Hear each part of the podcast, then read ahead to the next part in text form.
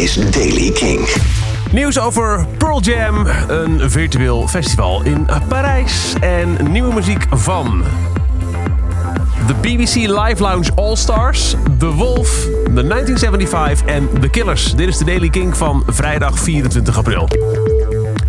In maart was het idee dat Pearl Jam, een paar dagen voor de release van Gigaton, hun nieuwe album, een visuele ervaring in bioscopen wereldwijd wilde laten zien. Je kon het album dus al eerder horen dan het uitkwam met bijbehorende visuals. Dat feestje ging niet door, want ja, er was geen bioscoop meer open. Maar je kunt het alsnog bekijken. Vanaf vandaag komt het namelijk gratis te zien op Apple TV+. Waar vandaag ook de Beastie Boys documentaire op los wordt gelaten. Dus Gigaton zien, zoals bedoeld destijds de bioscoop, kan vanaf vandaag gewoon thuis. Michael Stipe van R.E.M., Patti Smith en de uh, bassist van The Peppers, Flea, zijn een paar van de artiesten die dit weekend een livestream houden ter ere van 50 jaar Earth Day. Earth Day was 22 april en de livestream vindt zondag plaats, 26 april.